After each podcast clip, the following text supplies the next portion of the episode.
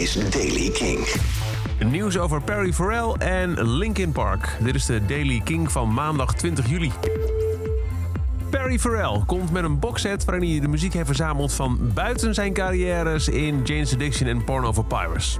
Perry Farrell, The Glitz en The Glamour komt uit op 6 november. Bevat 68 tracks, maar bijvoorbeeld ook nog een hardcover fotoboek, een bandana en een Blu-ray met videoclips.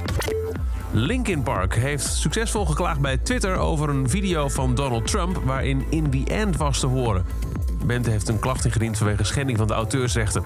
Linkin Park steunde en steunt Trump niet, liet de band weten in een verklaring op een eigen Twitter-account, en heeft zijn organisatie geen toestemming gegeven om onze muziek te gebruiken.